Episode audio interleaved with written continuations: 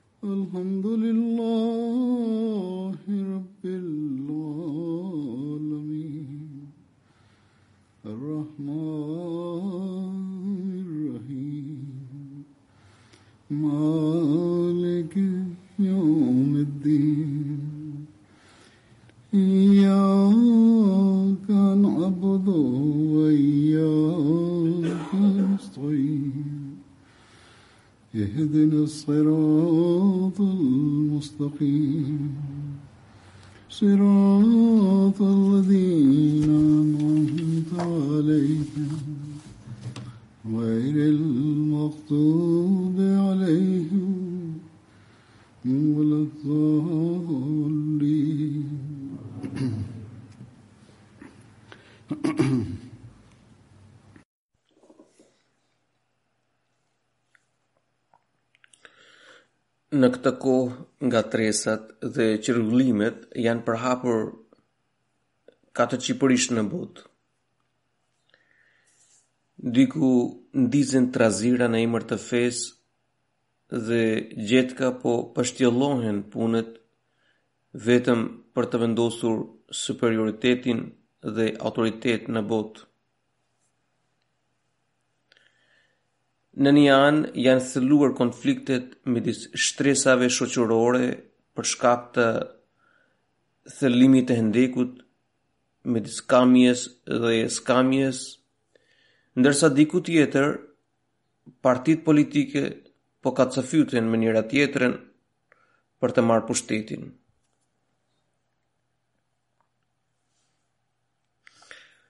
Harmonia familjare është trazuar keqas për shkak të konflikteve banale, ndërsa mosrespektimi i të drejtave reciproke ka nxitur konflikte dhe mosmarrëveshje të vazhdueshme.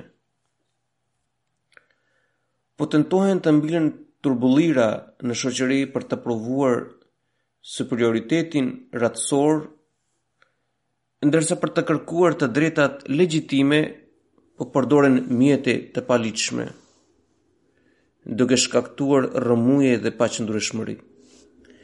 Në cilindo këndvështrim të shqyrtojmë gjendjen gjeopolitike e gjejmë botën të minuar nga ngatërresat dhe konfliktet.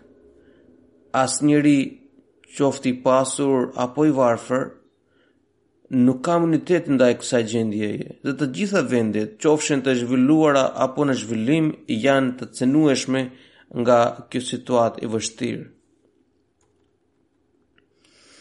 Për shkak të zhvillimit material, njeriu bashkëkohor kujton se ai është i përparuar dhe i emancipuar dhe e konsideron këtë kohë si epoka e diturisë.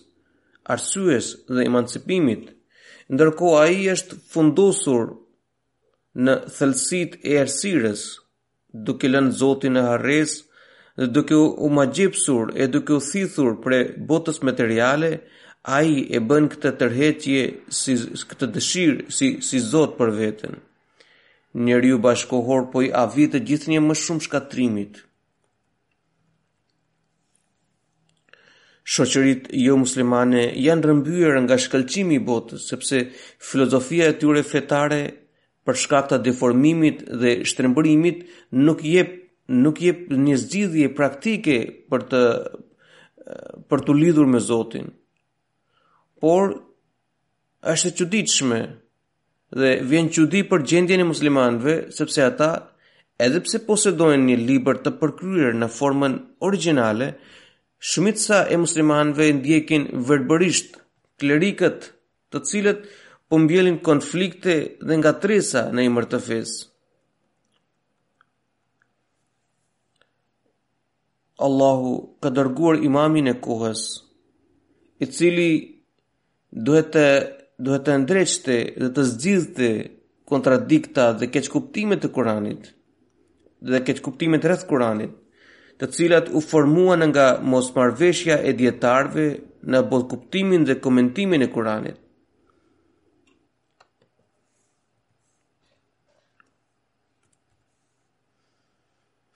Mjerë për muslimanët që në vend të dëgjojnë këtij të dëgjojnë Mjerë për muslimanët që në vend të dëgjojnë këtë reformator e t'i binden atij, shumica e tyre u janë nënshtruar ulemave të tyre, pra klerikët e tyre fetarë, dhe nuk duan t'i kushtojnë vëmendje thirrjes së këtij prijësi të këtij udhëheqësi.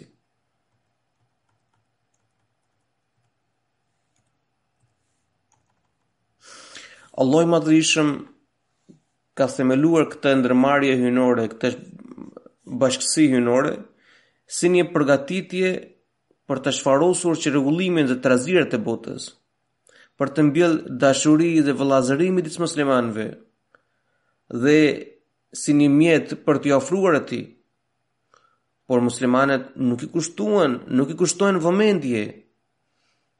Dhe për shkak të kësaj mospërfilljeje ndaj zërit të tij, ndaj thirrjes së tij, vijojnë të pësojnë dëmet e kësaj gjendjeje kaotike. Fatkeqësisht liderët dhe udhëheqësit e tyre politikë apo fetarë po po i shpien drejt greminës banorët e vendeve muslimane kanë rënë në hasmëri dhe armiqësi të të të, të pashuar kundër njëri-tjetrit dhe vendet e tjera dhe veçanërisht fuqitë jomuslimane po përfitojnë nga kjo situatë. Për të arritur interesat e tyre të ulta, Këto fuqi po e nxisin fraksionet e muslimanëve për një konflikt të gjerë, duke i mbështetur ushtarakisht dhe duke u dhënë armë dhe, um, dhe municione. Kjo, kjo gjendje e mjerueshme e muslimanëve duhet të na nxisë ne ahmedianët që të lutemi për ta, edhe pse ata nuk e kanë pranuar Mesihun e premtuar alayhis salam. Ne gjithashtu duhet të shqyrtojmë gjendjen tonë, duhet të analizojmë veten tonë. Se sa i afrohemi asaj shkalle besimi dhe morali që na ka caktuar Mesihu i premtuar alayhis salam. Nëse jemi larg, akoma shumë larg atij standardi, ka të ngjarë, ka të ngjarë t'u përngjajmë muslimanëve të tjerë, të cilët nuk e kanë pranuar Imam Mehdiun dhe edhe ne të biem në përçarje dhe anarki. Mesihu i premtuar alayhis salam vazhdimisht na ka tërhequr vëmendje ndaj reformave që duhet të sjellim në qenien tonë, në brendësinë tonë, pas betit, pas anëtarësimit në këtë xhemat. dhe ai gjithashtu na ka tërhequr vëmendje ndaj ndaj mjeteve që duhet të përdorim për të për të arritur këtë këtë reformë në veten tonë. Në vazhdim do t'ju citoj disa nga porositë e Mesihut të premtuar alayhis salam Ndonëse disa prej tyre mund t'i keni dëgjuar edhe më parë dhe janë përsëritur, por ka edhe të tillë, ka shumë njerëz që i lexojnë dhe dëgjojnë këto porosi, por prapë se prapë i harrojnë. Përsëritja e këtyre porosive nga Mesihu i premtuar alayhis salam në mënyrë vazhduese dhe duke përdorur metoda të ndryshme në kuvendet e tij përgjatë viteve dëshmon pra përsëritja e këtyre e, e porosive nga ana e Mesihut të premtuar alayhis salam dëshmon merakun dhe dëshirën e tij të madhe për të përmirësuar gjendjen e e ahmedianëve. Mesihu i premtuar alayhis salam druhej dhe shqetësohej që xhemati i tij të mos neglizhojë qëllimin e tij, qëllimin e themelimit të tij dhe të pësojë rënie dhe dhe, dhe prapavajtje.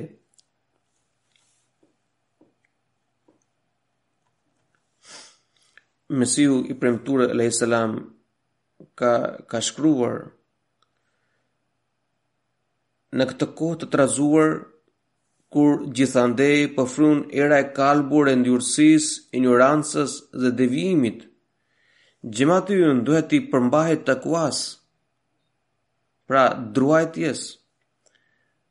Bota nuk i respekton më urdhrat e Zotit dhe i shpërfill përgjegjësitë dhe detyrat e veta. Njerëzit janë zhytur tej mase në punët e kësaj bote. Nëse ndjejnë sadopak humbje materiale, menjëherë i shmangen obligimit fetar dhe përbuzin dispozitat hyjnore. Pra, gjithmonë anohen nga nga interesat materiale. Ai shkruan, nëse ndjejnë sadopak humbje materiale, menjëherë i shmangen obligimit fetar dhe përbuzin dispozitat hyjnore. siç vërtetohet nga gjyqet apo ndarja e trashëgimisë. Lakmia dhe grykësia dominojnë marrëdhëniet e ndërsjella. Ndërsa dalin të cenueshëm para tundimeve të brendshme, pra janë shumë të brishtë para tundimeve të brendshme.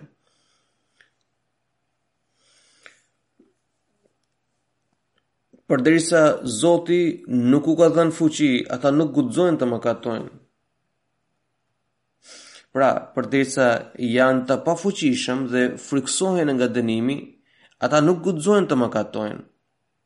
Por, sapo u ikën kjo gjendje e, e plogësht, dhe kjo pafuqia e tyre përballë tundimeve dhe ata gjejnë mundësi menjëherë bëjnë mëkat, menjëherë guxojnë të bëjnë mëkat. Nëse sot vështroni rreth e përqark do të gjeni që druajtja e vërtetë ndaj Zotit është zhdukur dhe besimi i vërtetë nuk ekziston më. Përderisa Zoti nuk dëshiron që besimi dhe takvaja e vërtetë të shfarosen, të zhduken, prandaj duke parë që po prishen fidanet, Ai i zëvendëson me fidanë të rinj. Kjo do të thotë që nëse prishet një brez apo zvetënohet një popull, Ai do ta zëvendësojë atë me një brez apo një, me, me një popull tjetër. Kurani i famëlartë është i paprekshëm dhe mbetet në formën e saj në, në formën e tij origjinale, siç Allahu na ka premtuar. Inna nahnu nazzalna dhikra wa inna lahu lahafizun. Ne kemi zbritur Kur'anin dhe ne do ta mbrojmë atë.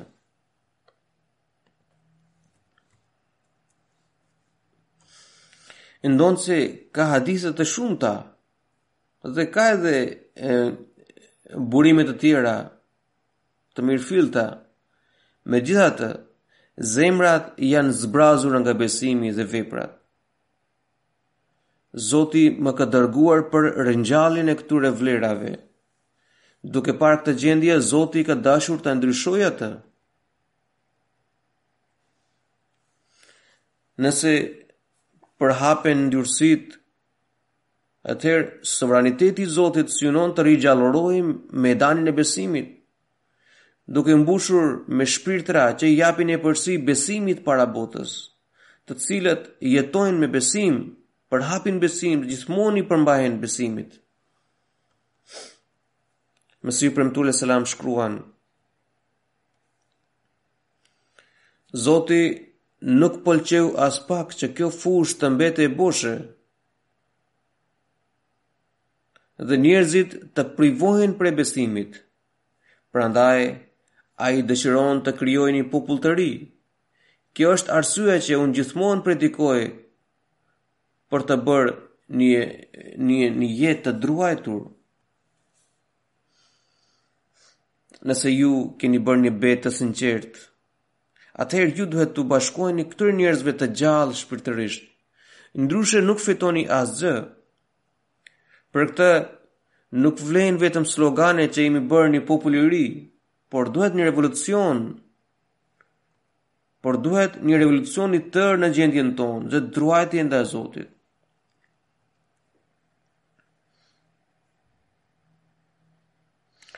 Vetëm kështu mund të bëhemi popull i ri, mund të arrijmë thelbin e Islamit, mund të fitojmë pëlqimin e Allahut dhe mund të përmbushim premtimin e Betit.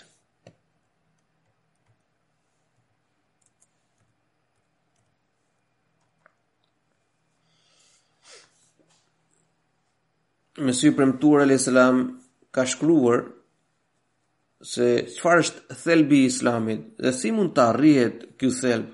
Ai shkruan, islami do të thotë t'i dorëzohesh, t'i dorëzohesh zotit me, me fuqitë e tij. Pra t'i dorëzohesh zotit dhe atributeve të tij, fuqive të tij.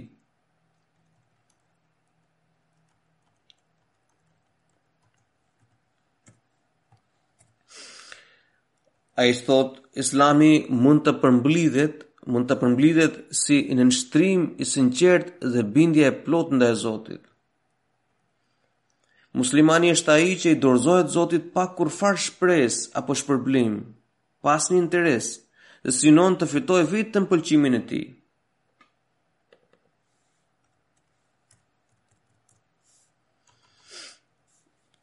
Allahu thotë bala man aslama wajhahu lillahi wa huwa muhsin muslimani është ai që i kushton gjithë qenien e tij pëlqimit të Allahut dhe i dorëzohet atij pëlqimi dhe kënaqësia e Allahut të bëhen qëllim i të gjitha besimeve dhe veprave të tij Ai të ndiejë një gëzim dhe lumturi në veprat e mira dhe jo shtrëngim dhe detyrim. Ai duhet t'i bëjë ato me me zemërbardhësi që i ndryshon çdo vështirësi në në në rehat dhe në dhe në, në ngazëllim. Pra, besimtari duke bërë vepra të mira nuk duhet të ndiejë shtrëngim në në shpirtin e tij, sikur janë barrë e rëndë, por duhet të ndiejë lehtësi dhe, dhe qetësi. Muslimani i vërtetë e do Zotin, duke ditur që ai është i dashuri im dhe padroni im. Duke duke ditur që ai më ka krijuar dhe më ka bërë mirësi të pashtershme, Ai vë kokën në pragun e Zotit dhe nuk heq dorë nga veprat e mira dhe as nga dashuria e Zotit. Edhe nëse i thuhet që nuk do të fitojë asnjë shpërblim.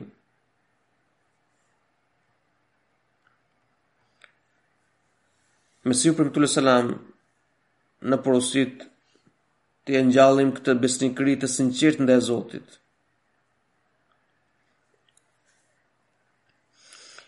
Dashuria jonë ndaj Zotit duhet të jetë e pastër nga çdo interes vetjak, as duke lakmuar për xhenetin dhe as duke iu trembur xhehenemit. Dashuria ndaj Zotit duhet të mbijetojë edhe nëse nuk fitojmë asnjë shpërblim.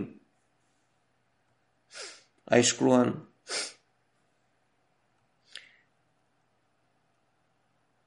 Besimtari i sinqertë nuk kushtëzon nënshtrimin, bindjen, adhurimin dhe lidhjen e Zotit me asnjë ndëshkim, shpërblim apo shpresë.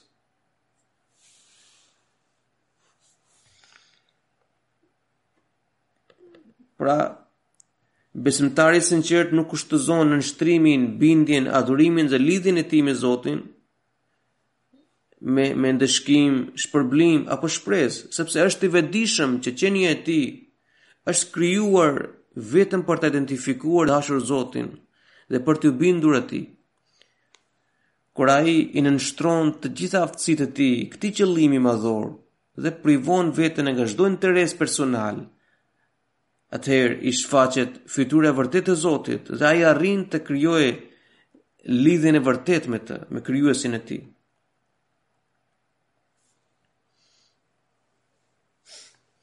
Mesihu i Premtuar alejhi selam përshkruan dashurinë e tij ndaj Zotit, ai shkruan, edhe nëse më bëjnë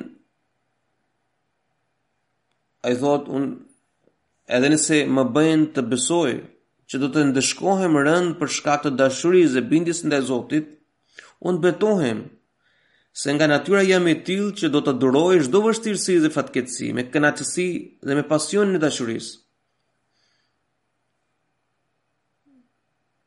Pra, do të do të ndje një një dash një një ngazëllim, një një një kënaqësi në duke hequr çdo vështirësi, çdo vuajtje në rrugë në në rrugën e Zotit. Ai thotë, pavarësisht nga bindja që formohet nga vuajtjet e dhimbjet, unë nuk do të pranoj të hedh qoftë edhe një hap në kundërshtim dhe mos e, në kundërshtim apo në mos bindje ndaj tij. Madje, do ta quaja këtë veprim më i rëndë se vdekje e pambarim, apo si tërësia e mjerimeve dhe dhimbjeve.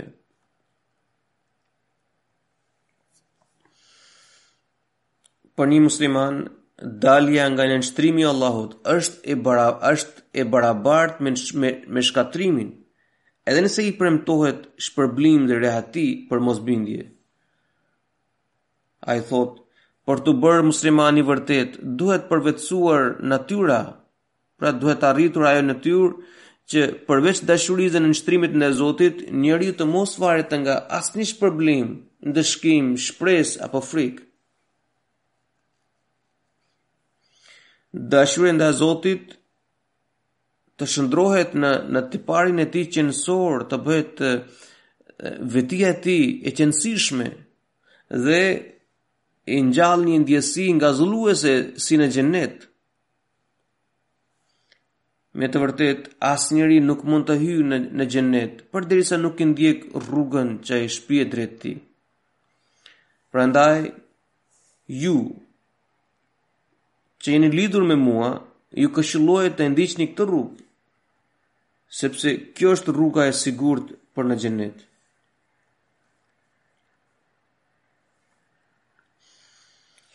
Mesihu i Premtuar alejhi selam ka nënvizuar rrugën që duhet ndjekur nga çdo musliman ahmedian.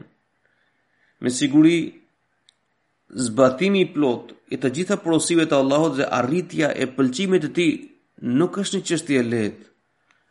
por vetëm duke u munduar vazhdimisht me përpjekje të sinqerta e të vazhdueshme ne mund të përmbushim qëllimin e të qenit ahmedian.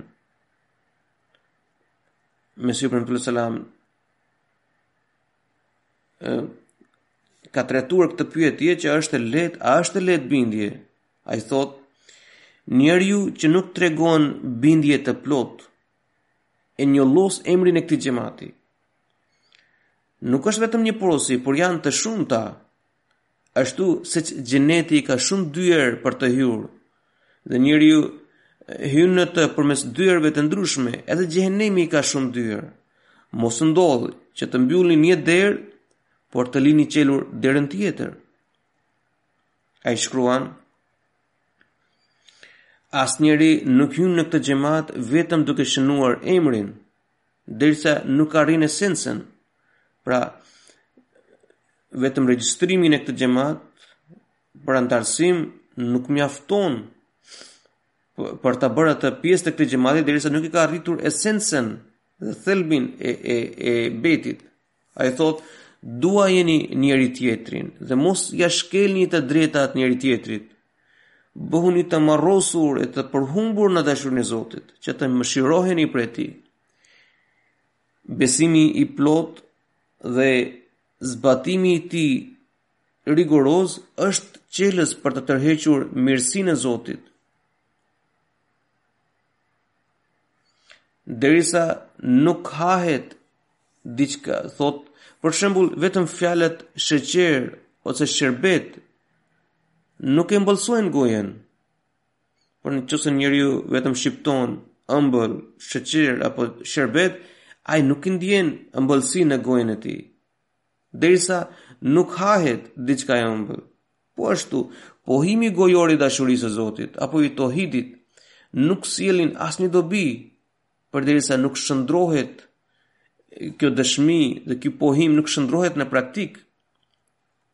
Nuk vërtetohet nga veprimi, ndërsa në praktikë ato mund të vërtetohen duke hequr barrën e dynjasë.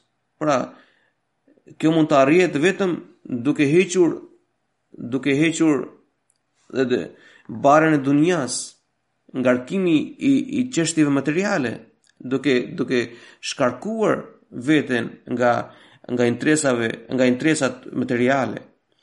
Dhe thotë, dhe duke i dhënë epërsi besimit, nëse xhemati ynë synon të fitojë pëlqimin e Zotit, ai duhet t'i japë përparësi besimit. nuk jeni të sinqertë nëse ju mungon besnikëri dhe përulësi. Dhe në këtë rast, ai një, një person i tillë do të vdesë traz, si tradhtar, si tradhtar. Zoti nuk mund të mashtrohet. Prandaj fitoni përulësi dhe sinqeritet.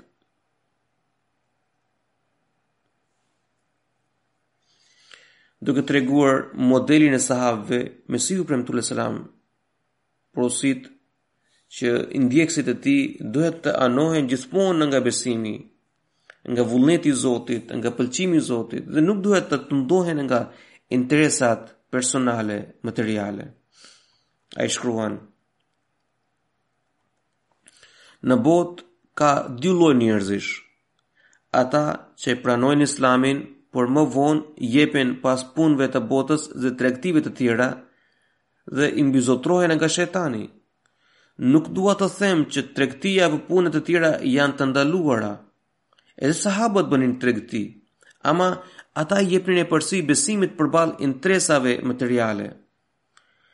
Ata pranuan Islamin dhe fituan dijen e vërtetë rreth tij. Dhe kështu mbushën zemrën me besim. Ata kurrë nuk u lëkundën nga shejtani në asnjë mejdan, në asnjë fushë. Edhe në punët e përditshme e mbanin Zotin gjithmonë në mendje. Gjithmonë ishin të vetëdijshëm për për ekzistencën e Zotit. Asgjë nuk i pengoi nga pranimi i së vërtetës.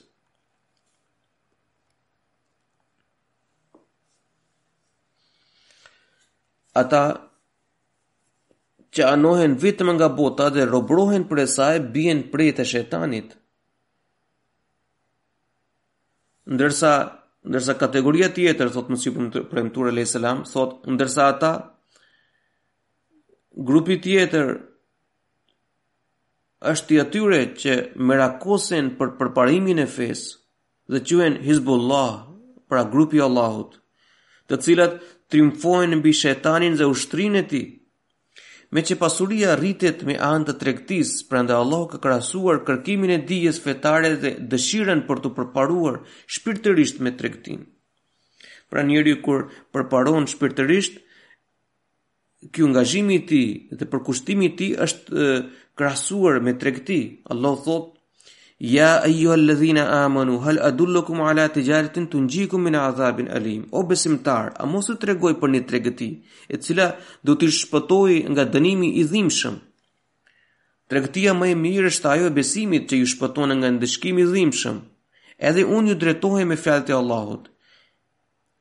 Thotë Mesihu i Premtuar alejhi selam, edhe unë ju drejtohem me fjalët e Zotit, ya ayyuhalladhina amanu, hal adullukum ala tijaratin tunjikum min azabin alim. Unë kam më shumë shpresë tek ata që nuk përtojnë në përkushtimin e tyre ndaj fesë dhe përparimin shpirtëror. Ndërsa ata që tregojnë plogështi, unë frikësohem për ta që të mos devijohen nga shejtani Prandaj mos u dobësoni kurrë në besim. Kërkoni sqarim për çdo çështje që nuk është e qartë për ju. Kërkoni sqarim për çdo çështje që nuk është e qartë për ju, me qëllim që të shtoni dijen. Madje kërkoni sqarim edhe nëse nuk ju jepet sqarim. Kërkoni sqarim edhe nëse nuk merrni përgjigjen e duhur. Ai që synon, ai që synon të shtojë dijen, i duhet të studiojë Kur'anin me vëmendje. Pra, studimi i Kur'anit është një mjet për ta rritur, për të shtuar diturinë. Thotë, ai që synon të shtojë dijen, i duhet të studiojë Kur'anin me vëmendje. Nëse nuk kupton diçka, le të pyesë të tjerët. Kurani Famëlartë është një oqean shpirtëror që përmban diamante të çmuara në thellësinë e tij. Duke sh, duke shtuar rëndësinë e takuas, Mesihu i Premtuar alejhi selam ka shkruar: Unë jam caktuar për të ringjallur takuan. sepse njerëzit janë privuar dhe janë të janë të zbrazur nga takuaja. Nuk ka nevojë, pra në këtë kohë nuk ka nevojë të ngrihen shpatat. Nëse vetëm nëse përhapet mesazhi i besimit dhe rrënjoset edukata islame dhe forcohet takuaja, rrjedhimisht do të rregullohen edhe punët e tjera. ata që konsumojnë alkool dhe ai është dhe alkooli është pjesë e traditave të tyre fetare, pjesë e zakoneve të tyre fetare, nuk mund t'i afrohen takuas. Pra njerëzit që angazhohen dhe dhe dhe pinë alkool, konsumojnë alkool, nuk mund t'i afrohen druajtjes. Ata po luftojnë me mirësinë, po kundërshtojnë mirësinë. Allahu e bëftë xhematin tonë faqebardhë dhe e u mundësoftë anëtarëve të luftojnë me të keqen. Allahu i përparoftë në takua dhe dëlirësi, sepse nuk ka sukses më të madh se kjo.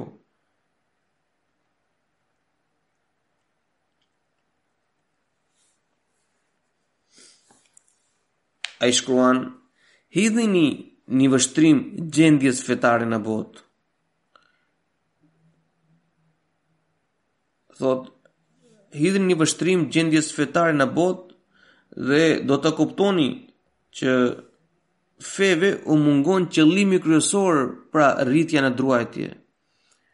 Fetë nuk janë angazhuar dhe nuk janë nuk synohen nga nga qëllimi i i, i tyre kryesor, pra që të shtojnë druajtje tek anëtarët e tyre, tek ndjekësit e tyre. E ndërkohë shkëlqimin e botës ndër ndërkohë shkëlqimin e botës e kanë shndërruar sikur sikur është Zot. Ata kanë fshehur Zotin e vërtetë dhe duan ta çnderojnë atë. Por Zoti dëshiron të shfaqet. Zoti dëshiron të të njihet, të identifikohet nga të gjithë, të zbulohet. Njerëzit që ku, që kujtojnë këtë botë si Zot, që konsiderojnë këtë botë si Zot, nuk mund t'i mbështeten Zotit.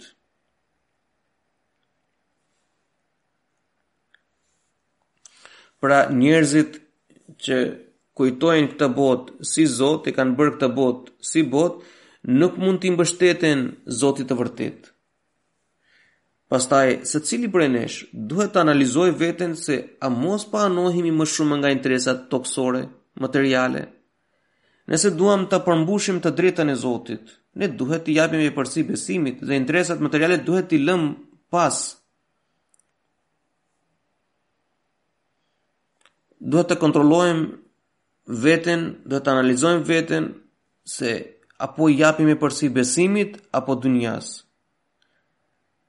A ne po rritemi në druajtje ndaj Zotit apo po po biem më poshtë? Po zbresim në në derexhe. Mesihu i Premtuar alejhi selam na ka predikuar për të rritur spiritualitetin dhe për shpirtshmërinë tonë, gjendjen tonë shpirtërore, spirituale. Dhe ai gjithashtu na ka nxitur për të shtuar diturinë tonë shpirtërore.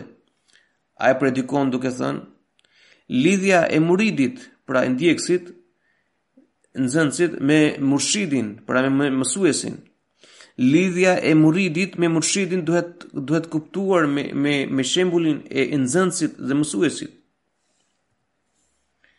Ashtu sikur muridi përfiton prej murshidit, nxënësi përfiton nga mësuesi.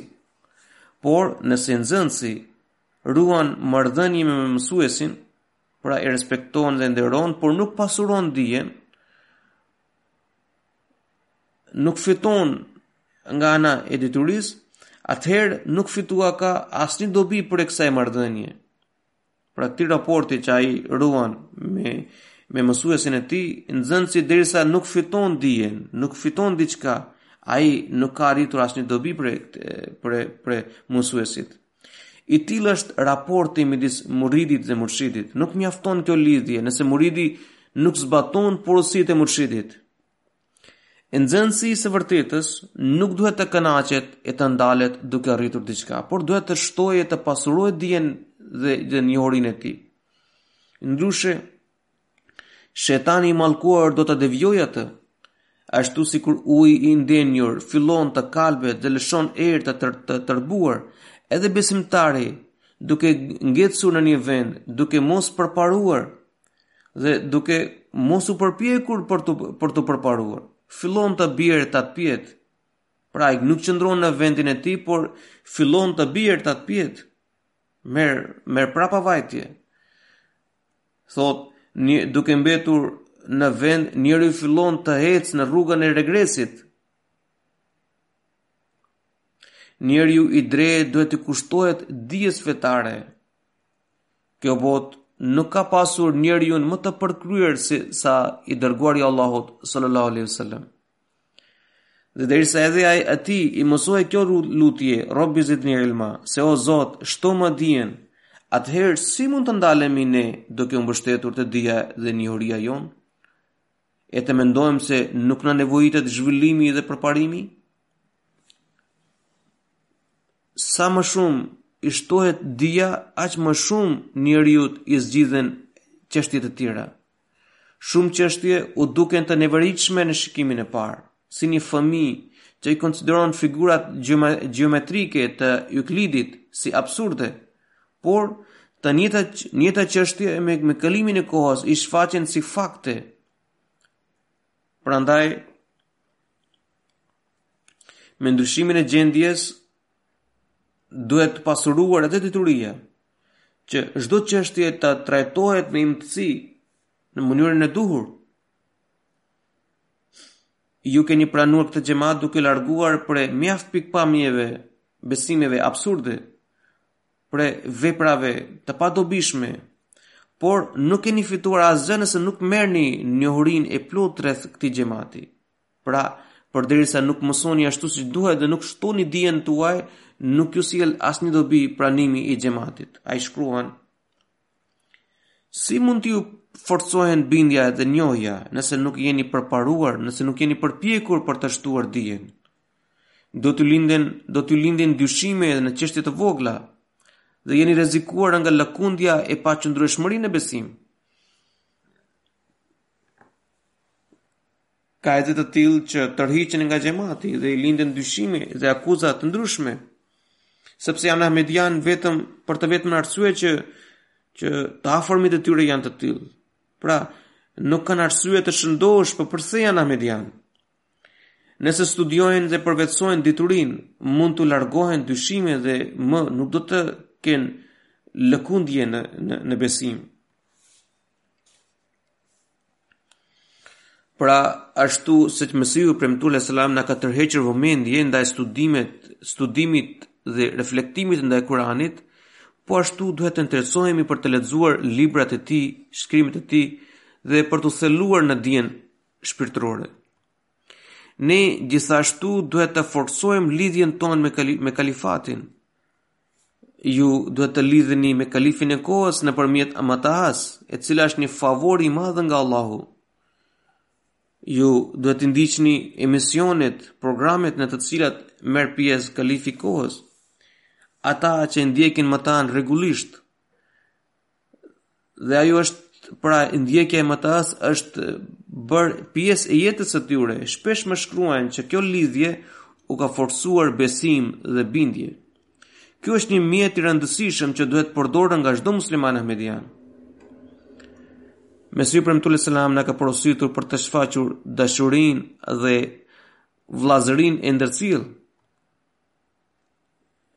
duke na ndërgjegjësuar të kuptojmë dhimbjen e të tjerëve dhe t'u përmbushim të drejtat të tjerëve. Mesiu i Premtuar alayhis salam shkruan, me të vërtet, nga ana shpirtërore, xhemati ynë nuk gjendet në të njëjtin nivel. A mundet që të gjitha farat të zhvillohen njësoj? Kur hidhen farat në tokë, ato të gjithë nuk dalin njësoj. Disa prishen, disa i hanë zogjë e disa kalben. Por, farat e mira që kanë veti për t'u zhvilluar dhe rritur shëndetshëm nuk pengohen nga asgjë. Xhemati që themelohet për hir, për hir të Zotit, i ngjan një fare të mbjellë, prandaj do e mos do të zhvillohet me të njëjtat parime. Dikush është i dobët në dijen fetare dhe dikush jo. Secili ka cilësi të mira përkatëse, në bazë të së cilës ai zhvillohet dhe përparon. Ata që janë më të mirë dhe më të shëndetshëm shpirtërisht, duhet t'i përkrahin dhe fuqizojnë vëllezërit e tyre të dobët. Si mundet që nëse njëri prej dy vëllezërve di të notojë dhe ai nuk mundohet të shpëtojë vëllanë tjetër që nuk di të notojë. Sigurisht është detyra e tij t'i shpëtojë jetën vëllait të tij. Prandaj Kurani famëlartë na porosit, ve teavenu alel birri vet-tekva. Ndihmoni njëri-tjetrin në mirësi dhe druajtje, Mbarti, mbartni barrën e vëllezërve tuaj të dobët, dhe bashkohuni me ta, në dobësitë e tyre, në, në veprim, në besim e në sakrifica financiare. Si mund të bashkohemi, si mund të bashkohemi me ata, si mund të, të ndajmë dobësitë e tyre në besim, në veprim dhe në sakrifica financiare? Mesihu i Premtuar alejhi selam i përgjigjet kësaj pyetjeje ai thotë duke i larguar duke ua larguar dobësitë e tyre shpirtërore dhe duke ua larguar dobësitë e tyre në sjellje në vepra dhe për sa u përket dobësisë financiare ju mund t'i ndihmoni ata vetë me me mundësitë tuaj, me mundësinë tuaj, apo mund të njoftoni administratën e xhamatit që të merren masat për për për të për t'ua larguar vuajtjen. Mesihu i Premtuar alejhi selam na ka porositur që t'u heqim njerëzve edhe sëmundje trupore. Ai thotë Një xhamat nuk mund të quhet i tillë, pra nuk mund të quhet, nuk është i denjë për t'u quajtur xhamat, përderisa anëtarët e tij të fortë nuk i mbështesin vëllezërit e tyre të dobët. Dhe kjo mund të bëhet duke mbuluar dhe duke mos i publikuar të metat e tyre. Sahabët ishin porositur të mos inatosen nga dobësitë e muslimanëve të rinj, sepse edhe ata Sepse edhe ndër ata ishin ishin muslimanë të dobët. Pra edhe më parë, edhe ata më parë kanë qenë ishin kanë kishin qenë të dobët. Prandaj është e nevojshme që i madhi t'i shërbejë të voglit dhe të sillet me dashuri dhe dhembshuri. Një xhamat nuk është i denjë për t'u quajtur xhamat nëse anëtarët e tij hahen mes tyre dhe kur ulen katër persona të përgojnë kundër të tjerëve. Dhe kur ulen katër persona të të përgojojnë kundër të tjerëve.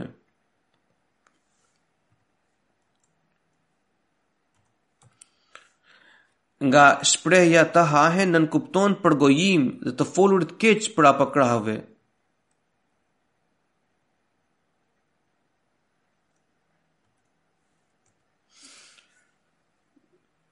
Pra nga shprehja të hahen nënkupton përgojim dhe të folurit keq prapa krahëve, sikur hanë mishin e vëllezërve të tyre të vdekur. Prandaj, mos ua gjurmoni të metat të tjerëve, por kërkoni vlerat e tyre të mira. Mesihu i Premtuar alejhi selam shkruan: Një xhamat një xhamat nuk është i denjë për t'u quajtur xhamat nëse anëtarët e tij hahen mes tyre dhe kur ulen katër persona të përgojojnë dhe të flasin keq kundër të tjerëve pra prapa krahëve. Ata nuk duhet të kritikojnë vend e pa vend si kritizerë, të përbuzin të dobëtit e të varfrit. Duhet krijuar unitet që të forcohet xhamati, që të promovohet dashuri dhe që që tërheq mbarësi. Unë shoh që nganjëherë anëtarët zihen për çështje fare të papërfillshme dhe rrjedhimisht gazetat kundërshtare që gjurmojnë gjithmonë të metat tona i botojnë ato duke shtrembëruar dhe ekzagjeruar ato. Kështu Devijojnë të tjerë duke keqinformuar. Pra populli në përgjithësi nuk mundohet të hulumtojë, prandaj pranon të të, të bie në kursin e tyre.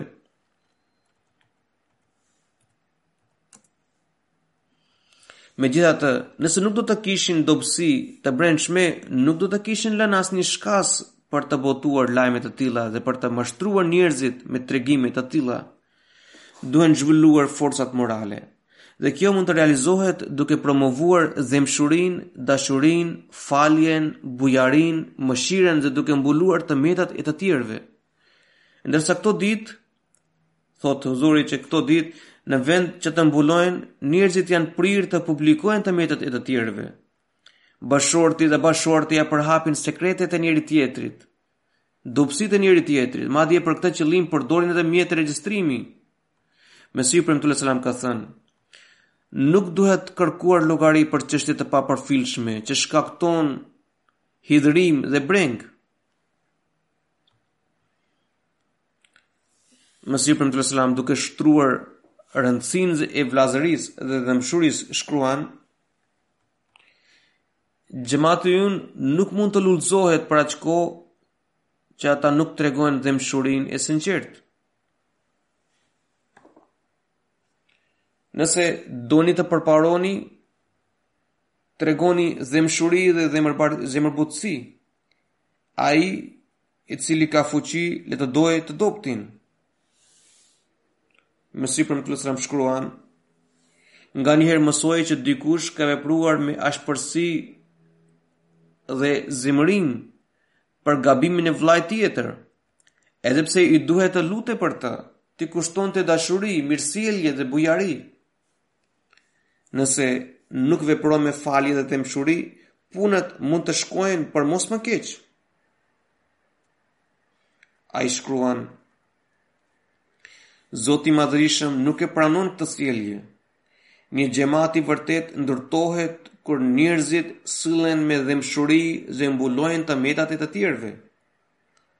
Kur arrijnë këtë shkallë, ata bëhen gjymtyrë për njëri-tjetrin dhe lidhjet e tyre reciproke bëhen më të ngushta se lidhje gjaku. Njeriu kur sheh ndonjë të metë apo gabim te dja... Pra njeriu kur dikush sheh ndonjë gabim Te djali i tij, ai nuk e përhap atë në shoqëri, përkundrazi e mban të fshehur nga të tjerët. Po ashtu, përderisa Zoti ju ka bërë vëllezër, ju duhet respektuar të drejtat përderisa Zoti ju ka bërë vëllezër, ju duhet të respektoni të drejtat e tyre. Në botë njerëzit nuk harrojnë lidhjen e gjakut. Unë shoh Mirza Nizamuddin, pra ai ishte kushëriri i Mesihut të Premtuar selam dhe po kështu edhe kundërshtari i tij i përbetuar. Dhe ai bashkë me vëllezërit e tij bënin një, një jetë afetare dhe të shthurur. Mesihu i Premtuar selam thotë, unë shoh Mirza Nizamuddinin, Ata janë të, të papërmbajtur në sjellje. Megjithatë kur u dalin telashe, ata bëhen një, bashkohen, lënë çdo dalim mënjanë. Njeriu nganjëherë le të mësojë nga kafshët si majmun apo qen.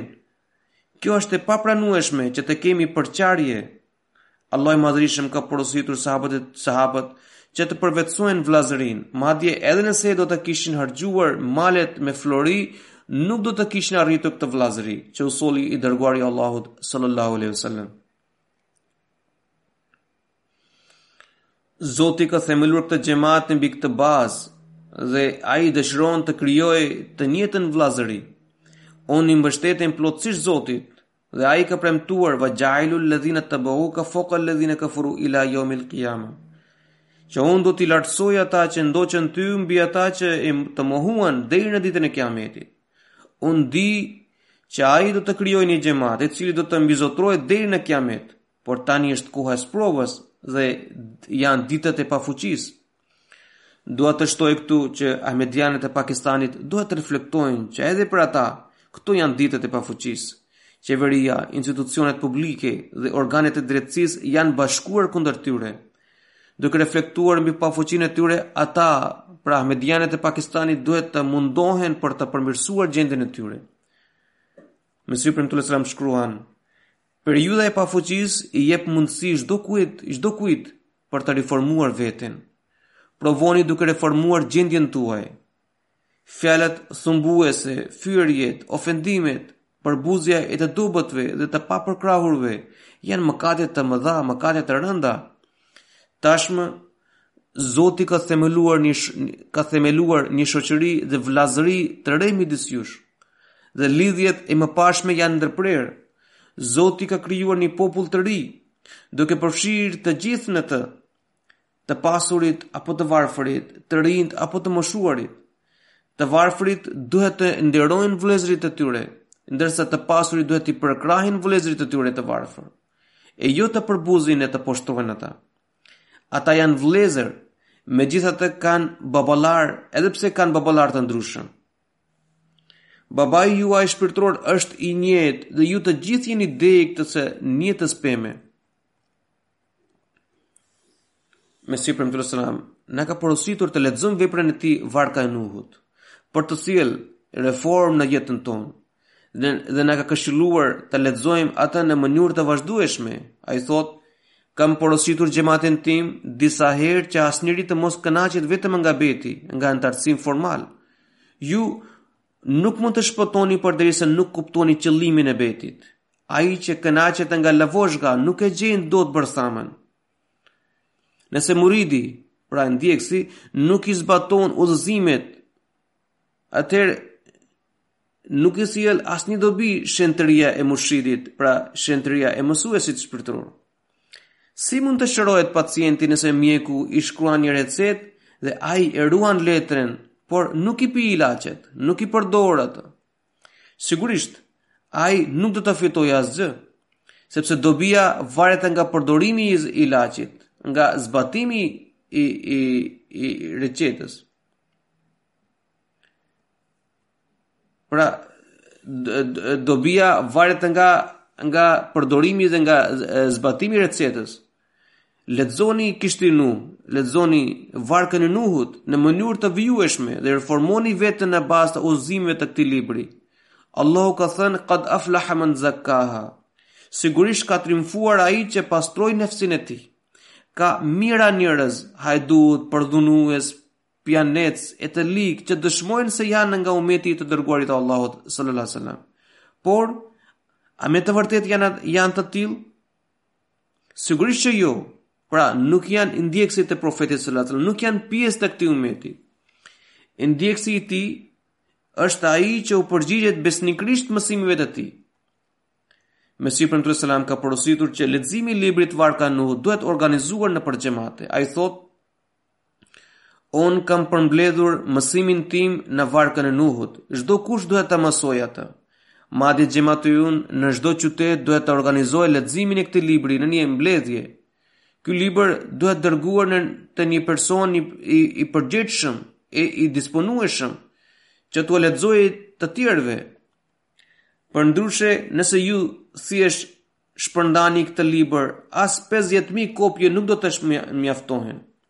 Në këtë mënyrë do të publikohet libri dhe do të realizohet ai unitet dhe dhe bashkim që ne duam të krijojmë, që ne duam të arrijmë. Kështu që duhet organizuar leximi dhe dëgjimi i këtij libri nëpër xhemate, MTA-ja gjithashtu duhet të sigurojë leximin e këtij libri në emisionet e saj.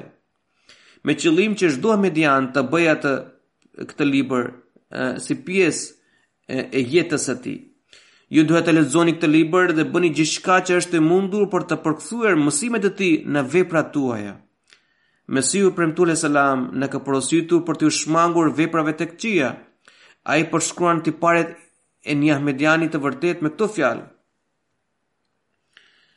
Tashmë, detyra juaj është që të angazhoheni në lutje, istighfar, pra kërkim falje, adhurimin e Zotit, pastërtinë dhe dëlirësinë shpirtërore. Kështu, ju mund të bëheni të denjë për të tërhequr mirësitë dhe vëmendjen e Zotit.